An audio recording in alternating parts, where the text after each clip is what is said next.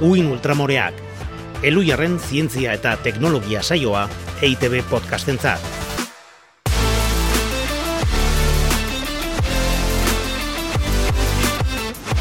Kaixo Ana Maitea. Kaixo alaitz bilotzan eria. Zer modu zaude? Zoragarri. Zoragarri? Bai? Bai?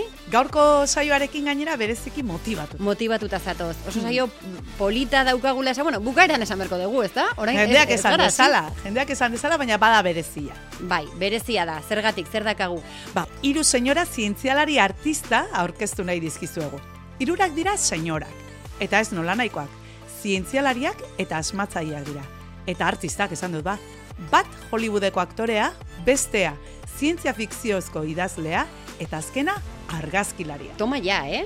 Osea, ez nola nahiko gibideak eta gainera ze hiru ze hiru kualidade esan ditugun. Senyora, zientzialari eta artista. Arrapasan, Bizitzan izan daitezkeen hiru gauzarik ederrenak behar bada, ezta? eta denak batera. Bai, ni eh, senyora bakarrik naiz. Zu? Eh, Senyora bai? Senyo, bai, bai. E, Sí. zientzialari... Bueno, ikasi deu, ikasi deu. eh, ikasketaz. Bai. Ogibidez, e, Ez. ez. Eta artista.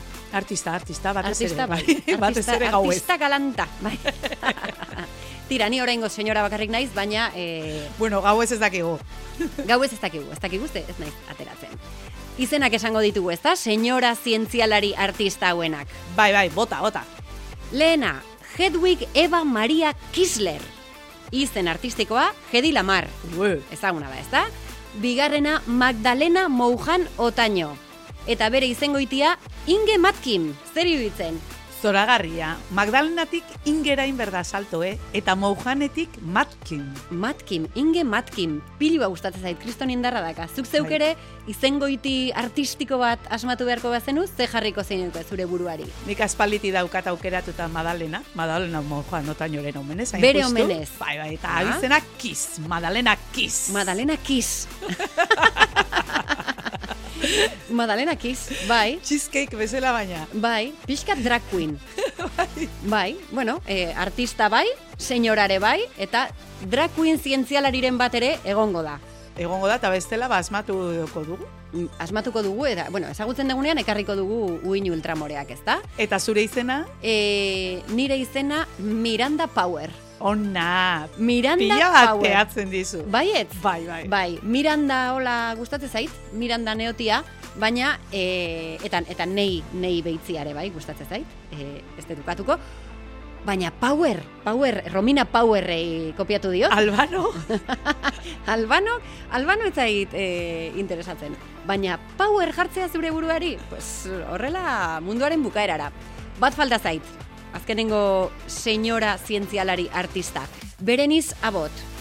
Bereniz Abotek esana da, entzun ondo, ez dago ezer eleganteagorik emakume zahar bat baino. Zer iruditzen aipua? barrazoia daukala. Eta beste biak ere, buah, zein baino zein senyoragoak eta potenteagoak. Horregatik, gaur soinu misteriotsuak kendu egin behar izan dugu irurailekoa egiteko. Baina gero hitzen dugu ai buruz, bale? Orain zer dator, Jon? A ber, Albizteak, Ah, ba, albisteak datoz, ezta? Eskerrik asko, Jon. E, bagenekien, gidoia hementxe daukagu, pare, parean. E, zu hasiko zara, Ana? Hasiko naiz. Eta lehenengoa entzun. Frogatu dute abortatzea ez dela traumatikoa eta ez duela ondorio psikologiko txarrik.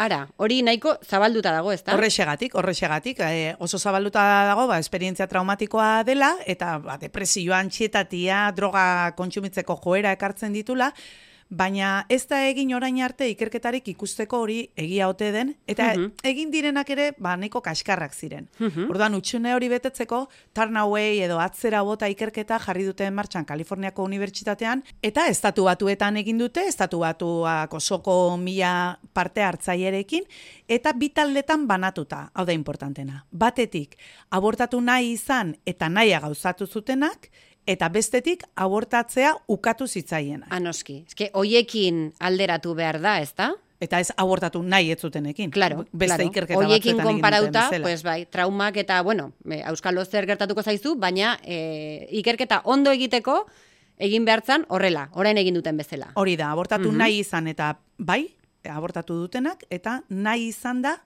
Galarazi zaietenak. Hori da. Mhm.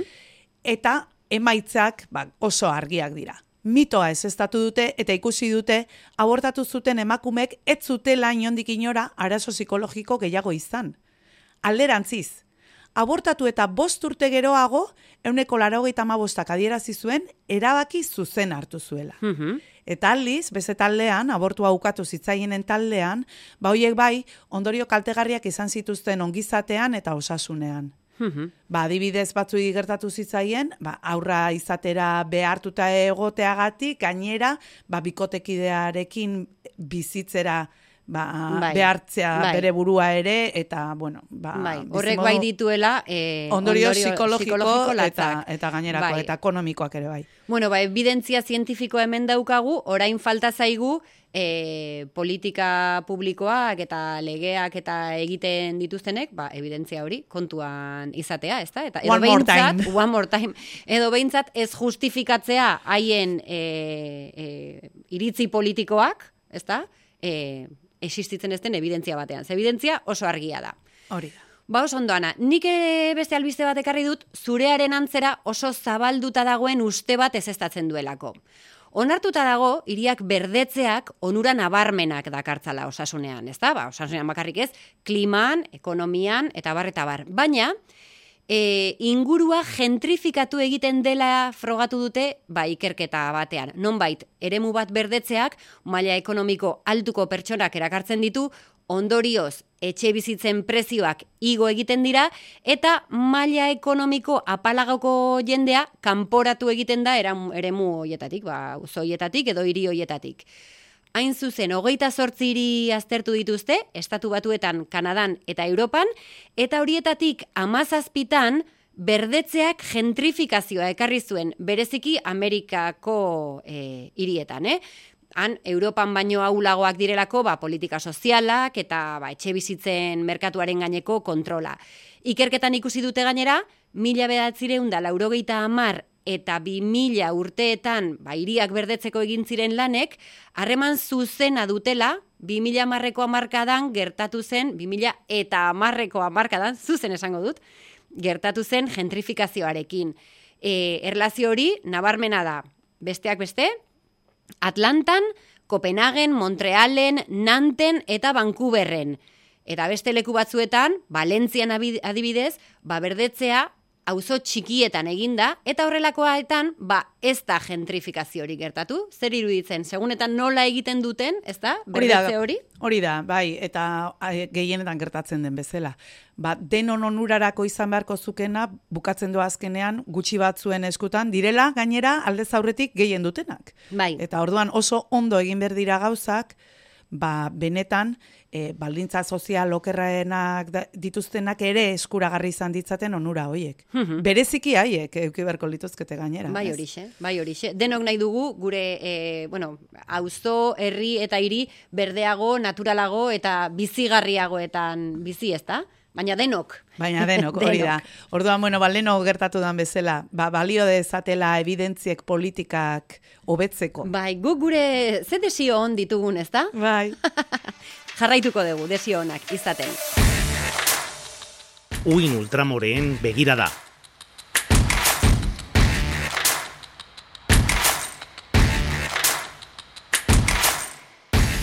Aurreratu dugun bezala, gaur hiru senyora zientzialari eta artista ekarriko ditugu ona. Ekarriko ditugu Ouija batekin, Ana? Hombre, uija batekin ez dakit hori ez da oso zientifiko ez da. Igual, holograma baten bidez eta adimen artifizialeko programa batekin, gonbidatuko nituzke gurekin kafea edo, tia, edo whisky Bueno. nahi dutena hartzera. Eta etorri nahi badute, ze askotan e, Ouija dela edo, edo holograma dela inbokatzen dugun jendeak, igual ez du etorri nahi. Baina Zer- haue Zergatik bai. etorriko dira. Haue bai, hauek etorriko dira. Uin ultramoreak era? Bai, Ea ba. bai, guk ekarriko ditugu. Betoz. Betiz.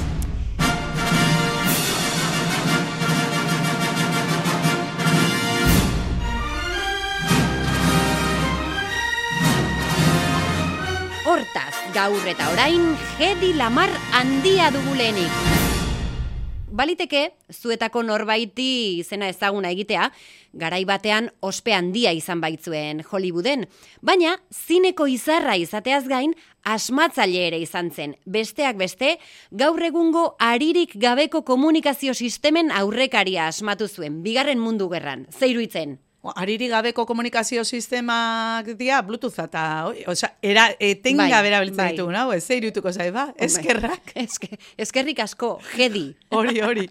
Bueno, ba hori flipantea bada, are flipanteagoa da zein zen bere helburua. Soldadu estatu batu arrei komunikatzeko modu seguru bat ematea, naziek haien mezuak bidean an- atzeman eta interpretatzea galaraziz. Naziak esan duzu. Ze guaindikan ez dugu kontatu, baina Jedi Lamar familia judutar batean jaio zen. Mila bederatzen da malauan sortu zen, eta Jedui Neba Maria deitu zioten, abizena Kiesler. Eskolan bere ala konturatu ziren aparteko adimena zuela. Ingeniaritza ikasketak egiten hasi zen, baina utzi egin zituen aktore izatea baitzuen amets. Zuk bezala. Hori da. Bueno, ba, jedi, zu ez bezala, barkatu bana, famatu egin zen. E, bosgarren filmarekin lortu zuen ospea, emeretzi urte zituela, osea, emeretzi urtekin, ja bost filmin ditun pertsona, horiek amorru ere ematen dute pixka bat, ezta? Baina, bueno, jedi miresten dugu eta ez diogu amorrurik. Filmaren izenburua ekstase izan zen. Claro, horrela edo zein. Nola horrela, bai, bai. Hasi zaitezu eh, jedik egin zuen egiten. Eszena batean, orgasmo bat antzestu zuen. Filmak noski, ba, sekulako eskandaloa sortu zuen, eta leku askotan debekatu egin zuten. Gainera aitak, ba bere alaba arrastoan sartzeko asmoz, arma fabrika baten e, jabe zen gizon aberats batekin eskondu arazi zuen, urrezko kaiola batean sartu zuen. Ipuñetan bezala, ezta? Eh, Rapunzel, eh, bihurtu nahi izan zuen bere alaba. Horrelako adimena eta artea zuen alaba. Gainera, gizona, kasualidadez, kasualidadez, oso jeloskorra zen. Ara, lehenengoa? Bai, ez baino, gaina ez, ez zuen ezkondu e, gizon jator eta fundamentuzko batekin, ze egon ere badaude. Diruduna bai, diruduna bai. Diruduna bai. Eta beti bere ondoan egotera behartzen zuen baita lan bileretan ere. Bileretara eramate zuen, ba, ez dakit, trofeo bat bezala edo. Eta bilera haietan, ba, jende oso atsegina eh, eta jatorra ezagutu zuen jedik adibidez, ba, Mussolini, Hitler, Oi, ze jende jatorra. oso jatorra. Hala ere, nik ezakit, hain jende jatorrakin egon da ere, ba, IES egita bururatu zedaion zergatik, ote, eta Ameriketako estatu batuetara joan zen. Hollywooden kontratatzea lortu zuen, baina zinemantistira egita bezain beste interesatzen zitzaion beste hau. Nazien kontrako gerran laguntzea. Horretarako, hainbat asmakizun sortu zituen, tartean lehen aipatutako komunikazio sistema hori. Sistema hori musikarei batekin elkarlanean egin zuen gainera. George Antheil izena zuen, eta haren lana ere ba, nahiko eskandalagarria zen garaiko publikoarentzat. Entzun dezagun pixka bat, oso interesgarria da.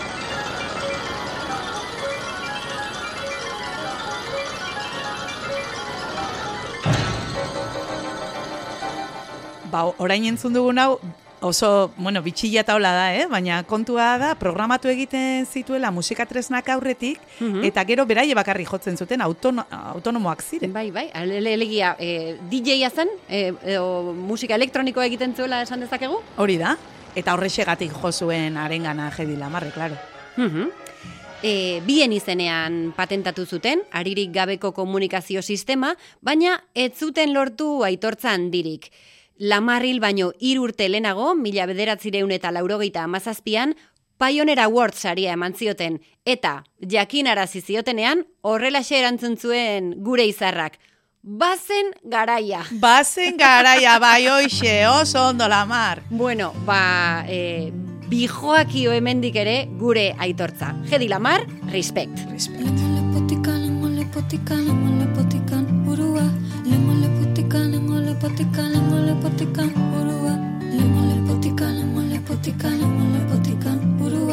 Olaia inziarteren kantu honekin bat baino gehiago sentituko da identifikatuta, ziur. Bai. Eta seguru bai jedi lamarrek bai urrengo senyorak ere kantatuko luketela. Magdalena Moujan Otaño da gure bigarren senyora zientzialari artista. Argentinan jaioa, Otaño bertsolariaren biloba zen eta euskara eta euskal kulturarekiko maitasuna jaso zituen. Matematikako doktore bilakatu zen La Platako Unibertsitatean eta berehala hasi zen ba irakasle eta ikertzaile lanetan. Laster, Argentinako indar armatuen ikerketa zientifiko eta esperimentalen taldean fitxatu zuten, eta handik energia atomikoko batzordera pasatu zen. Han, Argentinak ikerketarako izan zuen lehen ordenagailuarekin, Clementina izeneko konputagailuarekin ez garagu bakarrak izena jartzen Bai, ditugunak. ez, baina Clementina, karo, hori ere oso izen polita da, eh? baina zu Clementina eta Madalenan artean, Madalena aukeratu ez zuana, bazpa ere. Bai, bai, bai, bai. Ba, ura izan zen hori Clementinarekin lana egin zuen lehenengo tarikoa. Eta gainera, bi emakume matematikari izan zituen kide eta adiskide lantaldean. Rebeka Txere, de Guber, eta Cecilia Berdichevski. Mhm. Mila bederatzireun eta irurogeita zeian baina, Juan Carlos Onganiak estatu kolpea eman zuen, eta Moujanek ez zuen babestu unibertsitatean irakasle izateari utzi zion. Orduan, Inge Matkim gure izengoiti gogokoena e, hartu zuen, eta zientzia fikzioko lanak sortzen hasi zen. Mila bederatzireun da irurogeita zortzian, Argentinako sari nagusia lortu, zute, zu, lortu zuen, barkatu, gu tagutarrak ipuñarekin. Xerezaderen podcastean duzue entzun gai eta barre egin nahi baduzue zutxuki gomendatzen dizuegu. Ipuinean, Xabiertxo adimen handiko mutilaren eta haren familiaren historia kontatzen du mojanek. Xabiertxok fizika ikasi eta bere arreba malentxoren laguntzarekin, pinpilin pausa denboraren makina asmatuko du. Horretarako osoki eibarren egindako ordenagailuaz baliatuko dira. Jakin nahi zugurra, hola izena du Jakin osea, beak Clementinarekin egiten zuen lana, baina bere mak, eh, Ipuinekoak, ordenagailu- bai, eibarren egindakoa, Jakin hori nahi zugurra importante. deitu zion, oso polita. Bai, ba, jakin nahi zudurraren laguntzarekin familia osoak iraganera bidaiatuko du pinpilin pausan eta azkenean Euskaldunak kobazuloetan bizi ziren garaira iritsi eta antxe gelituko dira pospozik. Eta sorioneku izan ziren. Bai, zorioneko izan zira abadea ez horren beste, ze abadeak eh, laguntzen dio familiari, hain atzera denboran, ba, oraindik Eliza Santua asmatu gabe zegoela, baina bueno, ala ere konforme, konforme. Ja, Euskaldun bueno, abadea artean. apuntatu zen, ezta? Bai. Bueno, ba, ipuin horrek, Argentinan arrakasta handia izan zuen, baina Espainian orduko informazio ministro frankistak, Manuel Fraga Iribarnek, baitu egin zuen, Espainiaren batasunaren aurka egiten zuelakoan. Egia da, ipuinaren pasarte batean adibidez, Moujanek Euskaldunak aipatzen dituela batetik, eta atzerritarrak bestetik, katalanak, galiziarrak eta gaztelauak. Hoiek ziren atzerritarrak. Bai, Ba, total, eh, Jedi Lamarri orgasmoaren filma debekatu ziotela, eta mojani ipuina. Bai, baina denborarekin Moujan garaile atera da. Bere ipuina osorik irakurri baitaiteke, zentsurak ezabatu zizkion esaldiak barne. Biba Magdalena Mojan etaino, eta biba emakume libreak. Biba, Nire izanik ez karteletan Nire izanik ez papeletan Ta esan dezagun argi Etzarela beste egiten ari eta hirugarren senyora zientzialari artistari debekatu altzioten zerbaitana? Jakina, nola ez, ba, ba beitu, adibidez, kale jakin batzuetan, bakarrik ibiltzea debekatu nahi izan zioten. Ez omen ziren andereñoentzat egokiak, Ara, baina ondo erantzun zuen tipak. Esan zuen, ni ez naiz andereño bat, ni argazkilaria naiz. Horixe, nori buruzari garen, ba, hasieran esan dugu, bereniz abot, ospetsua. Amerikako estatu batuetan jaioa, Parisen hogeigarren mendeko hogeiko amarkadan artisten argazkilari bilakatua, New Yorken eraldaketa irudiz jaso zuena, ba beti aitzindari enfoke puskatzaileekin txunditzen zituen denak. Berak asmatzen zituen gainera, argazki berezi haiek ateratzeko behar zituen tresnak. Egin bakarrik ez, tresnak ere berak asmatzen zituen. Eta ez da olekuz kanpo aipatzea lesbiana zela, eta emakume lesbiana askori atera zizkiela erretratuak eta ikusgarritasuna eman zien. Bai horixe. Ibilbide oparoa eta mankorra izan zuen, eta hain zenona, ia irurogei urte zituela, mitek MIT, MIT. Em, Massachusetts Institute, Institute of Technology, Technology.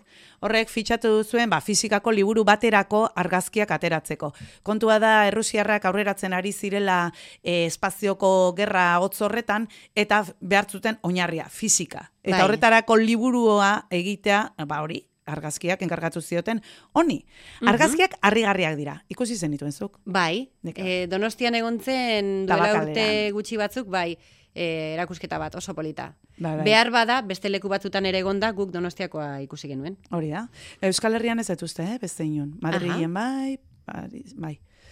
Ba, bueno, ikusi zenuteno, badakizue, harrigarria zirela, Eta besteok bilatu. bilatu me- merezi du eta kontua da argazki hoiek egiteko, ba, emaitiko fizikariek denak gizonak nola ez, bat ziotela bat ere erraza jarri. Ezin zuten jasan, emakume batek agintzia, ze argi jarri behar zuten, nola jarri behar zituzten Ja. materialak zer egin behar zuten, eta bueno, egin zioten bizitza imposiblea. Ja, bai, depresioa eta dena Bai, bai, bai, bai, izan omen zuen, ezta? E, horrelako giro toksikoaren Bullying erruz. totala egin zioten, bai. bai. Liburuak hori bai, sekulako arrakasta izan zuen. Argitaratu eta hurrengo urterako milioi bat kopia saldu ziren mundu guztian, amazazpi hizkuntzatara itzulita. Abotek lanean jarraitu zuen, izan ere bere lana zen bere lehentasuna. Ezkontzearen aurka zegoen. Ezkontzan, emakumeek beren interesak alboratzen zituztela esaten zuen. Eta laurogeita amairu urte bizitzera iritsi zen elegante eta libre. Ase senyorak irurak ere. Gora senyora zientzialari artistak. Gora, senyora, zientzialari, artistak. Egia, gezurra, ala ez dago nahikoa evidentzia.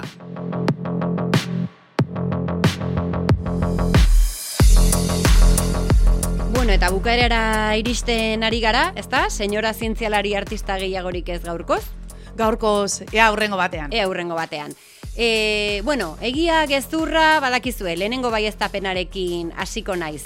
Seguru, e, askotan entzun duzuela e, esaldi hau, batez ere harreman heterosexualak izan dituzuenok. Emakumen ipurdia hotzagoa egoten da gizonena baino. Egia, gezurra, e, evidentziarik baduzuana?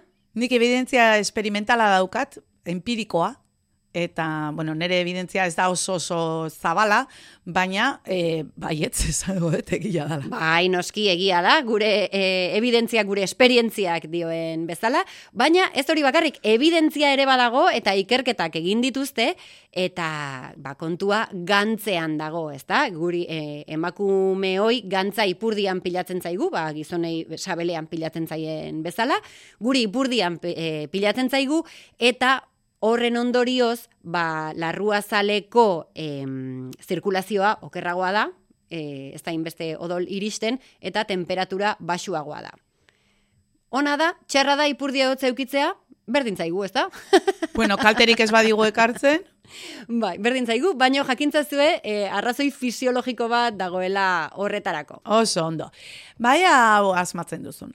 Alkola lagungarria da, alkola edatean noski, lagungarria da hilekoaren mina leuntzeko. Ah, edatea, noski esaten duzu, ez e, e, igurtzteak, ez Hori, du hori, ezertarako hori, balio, ez da? hortan, egin doan.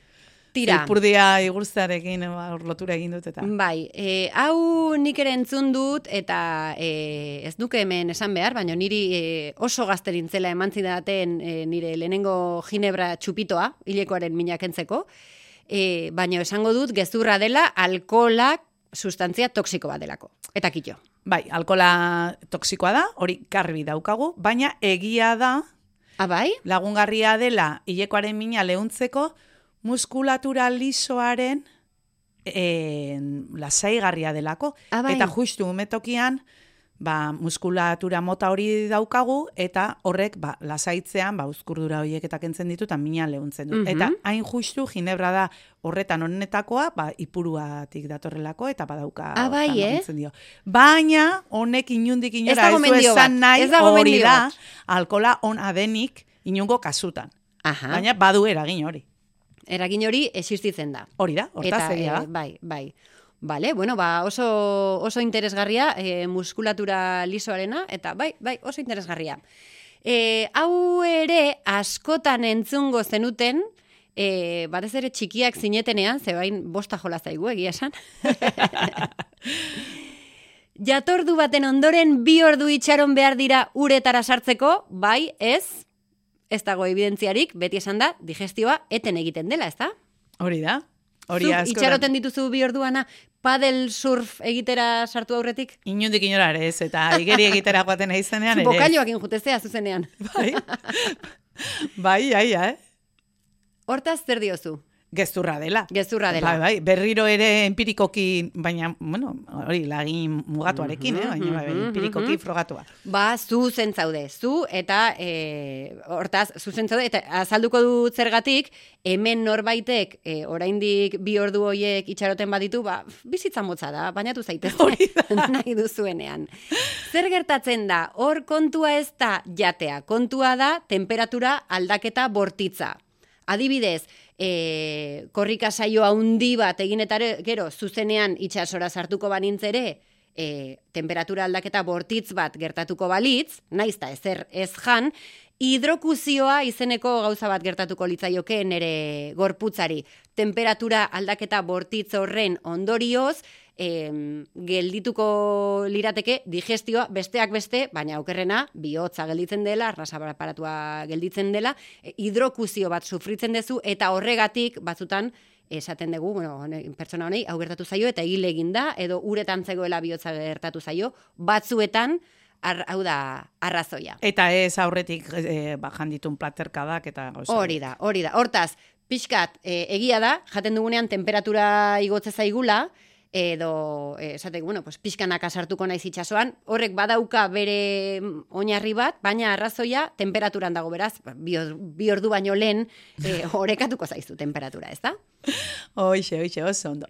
Eta azkena, txiklea edo xingoma irensten badezu, esteetara itxasten zaizu. Bueno, hori gezurra da, seguro. Bestela, bestela, inorrez geundeke bizirik, ez da? Edo, edo txikleak itxasten joan zaizkigu esteetako puntu desberdinetan. Ze, Ez de gorritik hasita. Bai, bai, bai.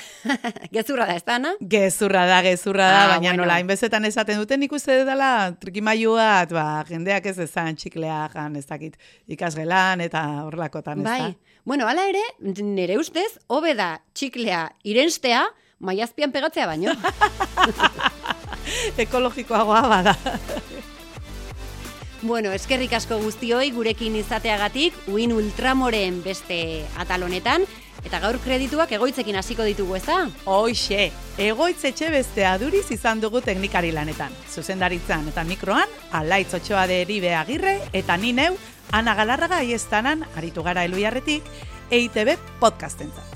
Badakizue, uin ultramoreak podcast honen atal guztiak, EITB podcast atarian dituzuela, zientzia.eus webunean ere bai, eta noski, iBooksen, Google Podcasten, Apple Podcasten eta Spotifyen. Beraz, interesatu bazaizue, arpidetu eta lagunei bidali. Eta jarraitu gurekin. Urrengo atalean ere hemen izango bai gaituzue Miranda Power eta Magdalena Kiss. Bai horixe, one more time. One more time.